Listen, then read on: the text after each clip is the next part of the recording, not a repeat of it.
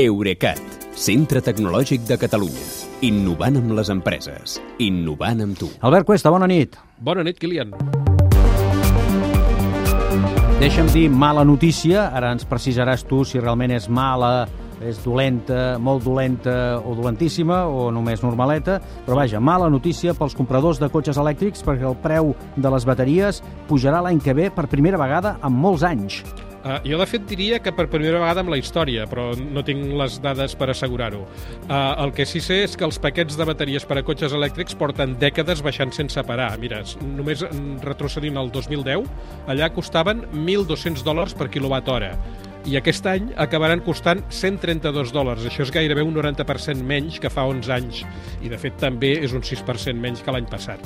Aquestes xifres són les mitjanes que fa Bloomberg entre els diferents tipus de bateries, perquè de fet n'hi ha per cotxes, però també n'hi ha per autobusos, també n'hi ha per guardar energia en una empresa o en una llar, i també hi ha diferències eh, segons la regió, perquè els paquets de bateries que aquest any a la Xina costen 111 dòlars, també per quilowatt hora, que és la, la, la unitat estàndard, als Estats Units costen un 40% més i aquí a Europa un 60% més que la Xina. Mm. Eh, en canvi, està previst que el 2022 eh, aquest cost mitjà pugi ni que sigui una mica, passant dels 132 dòlars per quilowatt hora que dèiem, que té ara, fins als 135 dòlars.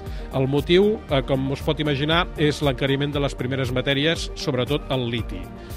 Uh, aquesta, si parlem d'això, d'aquesta tendència dels preus a l'alça, uh, és perquè és important perquè és que la bateria representa més o menys un terç del cost total d'un cotxe elèctric i si aquesta tendència es manté, eh, es trigarà dos anys més del que s'havia previst baixar del llindar simbòlic dels 100 dòlars per quilowatt hora que es considera el primer pas, o potser el més important, cap a la, la, el que es busca, que és la paritat entre el cost d'un cotxe de combustió i el, cotxe, i el cost d'un cotxe elèctric, que això està calculat que passarà quan, una, quan les bateries costin 80 dòlars per quilowatt hora.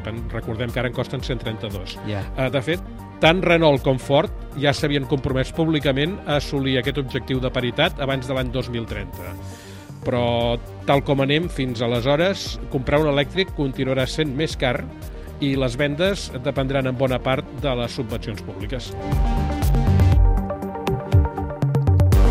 I d'aquí entenem el gran interès en construir grans fàbriques de bateries, no? Efectivament, i construir-les a prop d'on estan els cotxes. I Cert. també un altre, que és l'interès en avançar amb la investigació de materials alternatius al liti.